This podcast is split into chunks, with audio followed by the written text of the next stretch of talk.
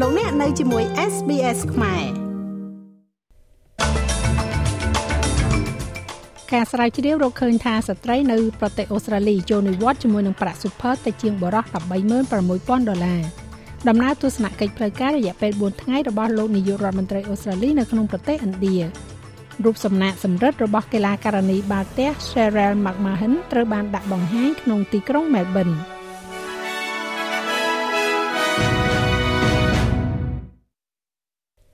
រដ្ឋមន្ត្រីក្រសួងហិរញ្ញវត្ថុលោកស្រី Kathy Gallagher មានប្រសាសន៍ថាលោកស្រីពិតជាកង់ចង់ឃើញគម្លាតប្រាក់ឈ្នួល gender ត្រូវបានដោះស្រាយដើម្បីកាត់បន្ថយភាពខុសគ្នារវាងប្រាក់សន្សំពេលចូលនិវត្តន៍របស់បុរសនិងស្ត្រី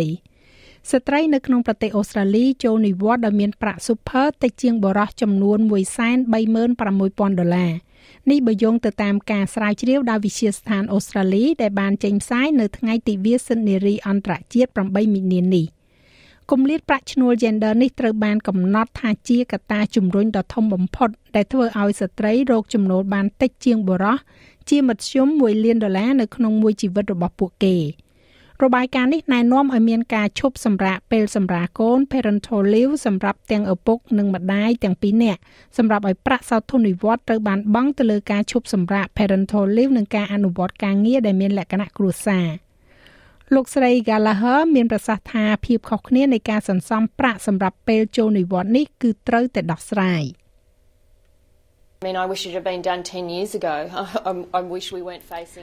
ខ្ញុំប្រាថ្នាថាវាត្រូវបានធ្វើតាំងពី10ឆ្នាំមុនមកម្លេះខ្ញុំចង់ឃើញឲ្យយើងមិនត្រូវប្រឈមមុខទៅនឹងវិសមភាពនោះទេនៅពេលនេះ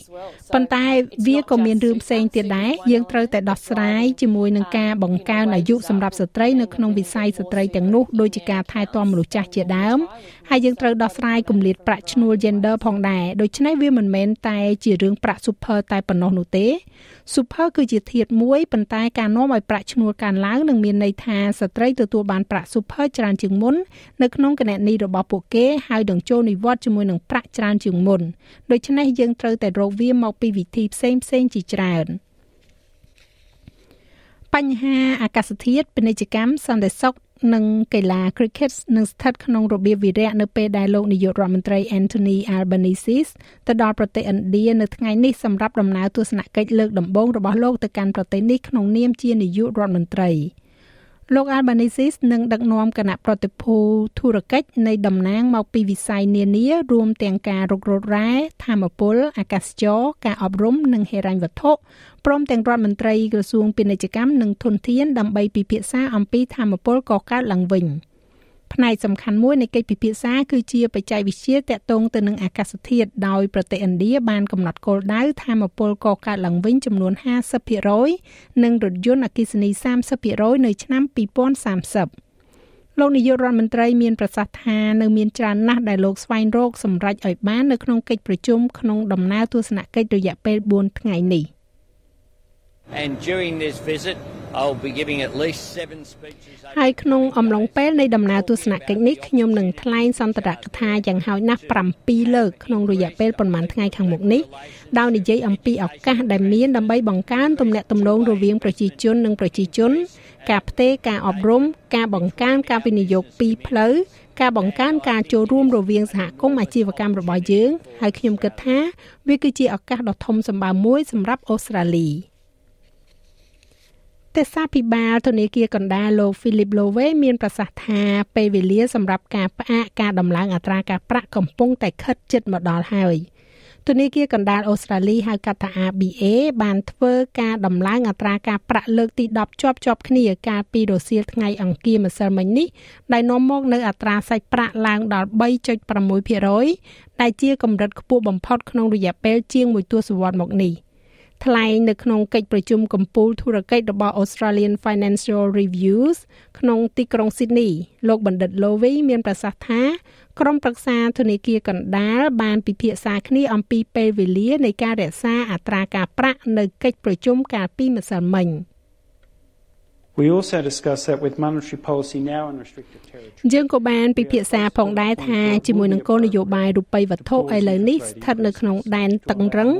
ហើយកាន់តែខិតទៅជិតដល់ចំណុចដែលវានឹងសមស្របក្នុងការផ្អាកការដំឡើងអត្រាការប្រាក់ហើយដើម្បីទុកពេលវេលាបន្ថែមធ្វើការវិតម្លៃស្ថានភាពសេដ្ឋកិច្ចនៅចំណុចមួយវានឹងសមស្របក្នុងការផ្អាកការដំឡើងដែលនឹងត្រូវបានកំណត់ដោយទិន្នន័យនិងការវិតម្លៃរបស់យើងអំពីទស្សនវិស័យនេះ។ ក្រុមនយោជកសភាពាណិជ្ជកម្មនិងឧស្សាហកម្មអូស្ត្រាលី បានអំពាវនាវឲ្យការពន្យាពេលរយៈពេល2ឆ្នាំក្នុងការធ្វើសិទ្ធិការងារក្រោយបញ្ចប់ការសិក្សា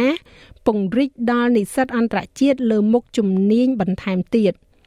ការផ្លាស់ប្ដូរនេះនឹងចូលជាធរមានចាប់ពីថ្ងៃទី1ខែកក្កដាទៅសម្រាប់សញ្ញាបត្រជ្រើសរើសនៅក្នុងមុខវិជ្ជាមួយចំនួនដែលត្រូវបានកំណត់ថាមានការខ្វះខាតជំនាញ។ បញ្ជីនេះកំពុងត្រូវបានធ្វើបច្ចុប្បន្នភាពនៅពេលដែលការបរិច្ឆេទចាប់ផ្ដើមខិតជិតមកដល់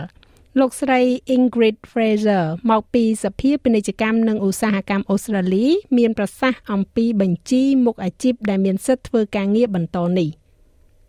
Only around 16% stay on after they study មានតែប្រហែលជា16%ប៉ុណ្ណោះដែលនៅបន្តបន្ទាប់ពីពួកគេបញ្ចប់ការសិក្សាពួកគេប្រហែលជាមានគុណភាពពិសេសក្នុងចំនួននោះខ្ញុំដឹងថាបញ្ជីដែលក្រុមការងារបានមកគឺផ្អែកទៅលើការវិភាគដោយគណៈកម្មការជំនាញជាតិឬក៏ការងារនិងជំនាញអូស្ត្រាលី យើងបានឃើញបញ្ជីមានចំនួនទ្វេដងពីឆ្នាំ2021និង22ហើយដូច្នេះវាស្ថិតនៅក្នុងស្មារតីនៃការខ្វះខាតសំខាន់សំខាន់នៅទូទាំងក្រមប្រឹក្សាវាអាចមានគុណសម្បត្តិនៅក្នុងការមានការបន្តបន្ថែមនោះកាន់តែទូលំទូលាយក្នុងរយៈពេលកំណត់មួយ។ គណៈបកប្រឆាំងសហព័ន្ធនិយាយថាផែនការរបស់រដ្ឋាភិបាលនៅក្នុងការចាប់ឆ្នោតផ្ដាល់ទឹកតការសម្រាប់អ្នកកោះប៉ាស៊ីហ្វិកនិងគម្រាមកំហែងធ្វើឲ្យប៉ះពាល់ដល់ប្រព័ន្ធអន្តោប្រវេសន៍របស់ប្រទេសអូស្ត្រាលីគណៈបកសម្ព័ន្ធនឹងបោះឆ្នោតប្រឆាំងចំពោះការផ្លាស់ប្ដូរដែលបានស្នើឡើងចំពោះច្បាប់អន្តោប្រវេសន៍ Migration Act ដែលនឹងឃើញប្រជាជនកោះប៉ាស៊ីហ្វិកចំនួន3000នាក់ទទួលបានសិទ្ធិស្នាក់នៅជាអចិន្ត្រៃយ៍ជារៀងរាល់ឆ្នាំតាមរយៈការចាប់ឆ្នោត។ ដើម្បីក្លាយជាបេក្ខជនជោគជ័យនិងតម្រូវឲ្យមានការផ្ដល់ជូនការងារជាផ្លូវការហើយត្រូវឆ្លងកាត់ការធ្វើតេស្តសុខភាពនិងភាសា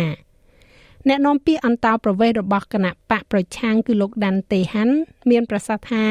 គណៈពេលដែលខ្លួនគ្រប់គ្រងផ្លូវទឹកតការសម្រាប់អ្នកកោះប៉ាស៊ីហ្វិកវាគួរតែផ្អែកទៅលើគុណសម្បត្តិ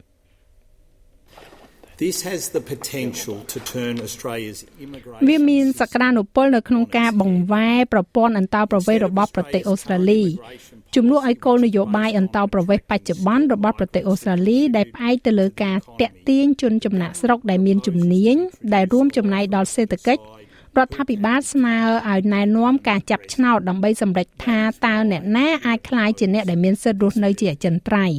នោះហើយជាមូលហេតុដែលយើងជំទាស់នឹងច្បាប់នេះ រដ្ឋាភិបាលនិយាយថាគម្រោងទឹកតការនេះធ្វើឲ្យទំនាក់ទំនងការទូតរបស់អូស្ត្រាលីកាន់តែស៊ីជម្រៅនៅក្នុងតំបន់នេះនិងផ្ដល់ការទទួលបាននូវសិទ្ធិរស់នៅអចិន្ត្រៃយ៍កាន់តែយុត្តិធម៌នៅឯចក្រភពអង់គ្លេសឯនោះវិញលោកនាយករដ្ឋមន្ត្រី Rishi Sunak បានការពារច្បាប់ថ្មីដ៏ចម្រូងចម្រាសរបស់រដ្ឋាភិបាលលោក ដែលគេនឹងឃើញការមកដល់ទុកជនស្វែងសំសិទ្ធជ្រកកោននឹងត្រូវបានឃុំខ្លួនភ្លាមៗ ហើយបន្ទាប់មកនឹងនិរទេសចេញទៅវិញវាកើតឡើងចំពេលដែលមានការកើនឡើង60%នៃចំនួនមនុស្សដែលព្យាយាមឆ្លងកាត់ច្រកសមុទ្រអង់គ្លេសនៅក្នុងឆ្នាំ2022គឺកើនពី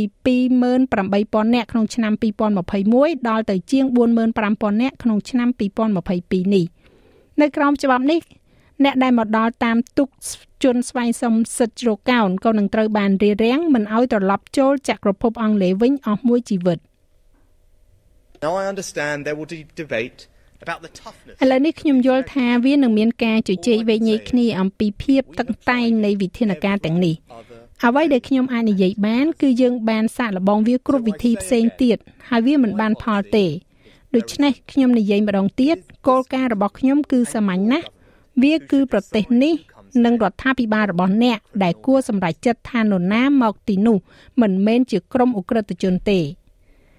ឥឡូវនេះរដ្ឋាភិបាលបានណែនាំច្បាប់នេះទៅសភាហើយទោះបីជាគេរំពឹងថាវានឹងមិនត្រូវបានអនុម័តរហូតដល់ប្រមាណខែទៀតក៏ដោយ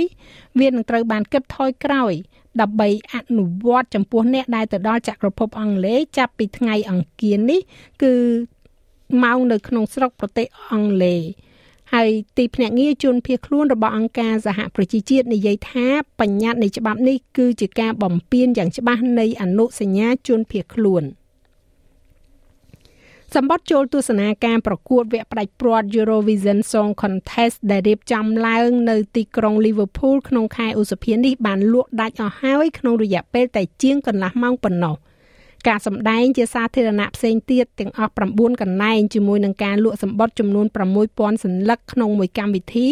ក៏ត្រូវបានកក់ពេញផងដែរក្នុងពេល1ម៉ោងក្រោយមក។ចក្រភពអង់គ្លេសកំពុងធ្វើជាម្ចាស់ផ្ទះនៃការប្រកួតនេះបើទោះបីជាអ៊ុយក្រែនបានទទួលជ័យជំនះកាលពីឆ្នាំមុនក៏ដោយក៏ព្រោះតែអ្នករៀបចំកម្មវិធីបានស្នើសុំទីតាំងផ្សេងវិញដោយសារតែការឈ្លានពានរបស់រុស្ស៊ី សម្បត្តិប្រហែលជា3000សន្លឹកត្រូវបានដាក់លក់សម្រាប់ជនជាតិអ៊ុយក្រែនដែលផ្លាស់ទីលំនៅក្នុងអត្រាថោកជាង ហើយអ្នករៀបចំកម្មវិធីនិយាយថាតម្រូវការសម្បត្តិគឺមានកម្រិតខ្ពស់គេរំពឹងថាមនុស្សប្រហែលជា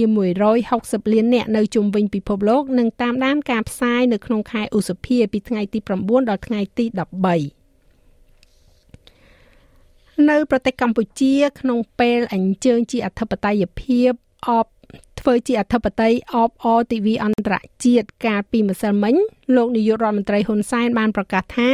លោកបានចុះហត្ថលេខារួចហើយលើអនុក្រឹត្យបើកផ្លូវឲ្យក្រសួងសេដ្ឋកិច្ចនិងក្រសួងកាងារប្រើប្រាស់ថវិកាជាតិនៅក្នុងការឧបត្ថម្ភដល់កម្មករកាត់ដេរដែលរោងចក្រព្យួរកាងារប្រមាណជា32,000នាក់ បើតាមលោកនាយករដ្ឋមន្ត្រីហ៊ុនសែនកម្មករដែលត្រូវបានរោងចក្រព្យួរការងារទាំងនោះនឹងត្រូវបានប្រាក់ឧបត្ថម្ភ70ដុល្លារក្នុងម្នាក់ក្នុងមួយខែ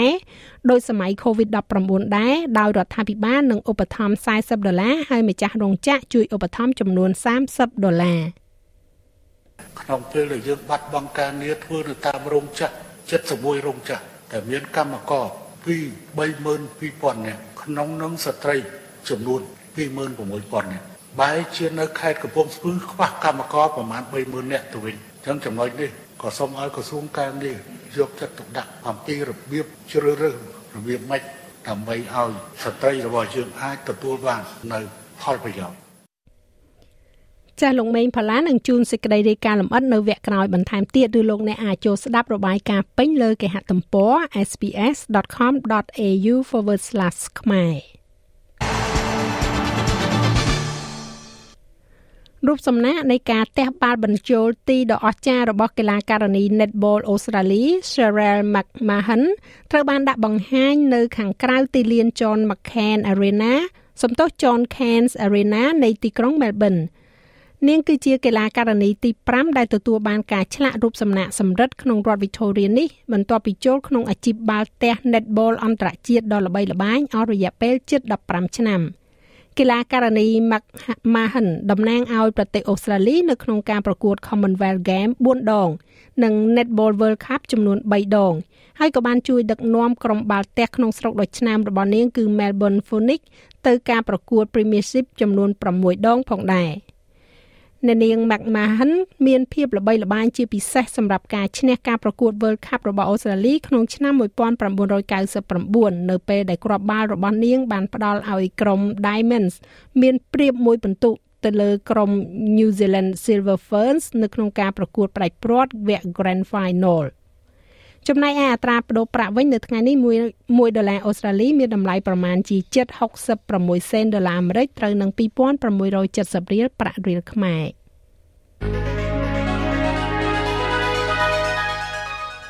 ហើយឥឡូវយើងក៏លេខមើលការព្យាករណ៍អាកាសធាតុសម្រាប់ថ្ងៃប្រហ័សស្អែកនេះវិញ ទីក្រុងផឺត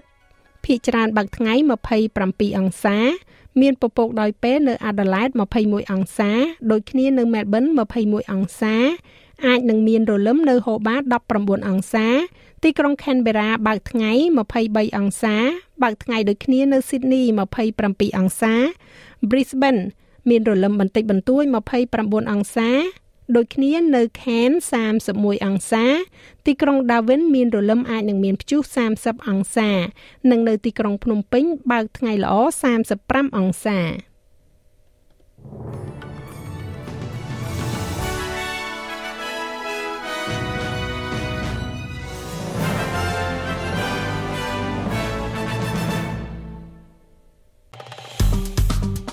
ចុច like share comment និង follow SPS ខ្មែរនៅលើ Facebook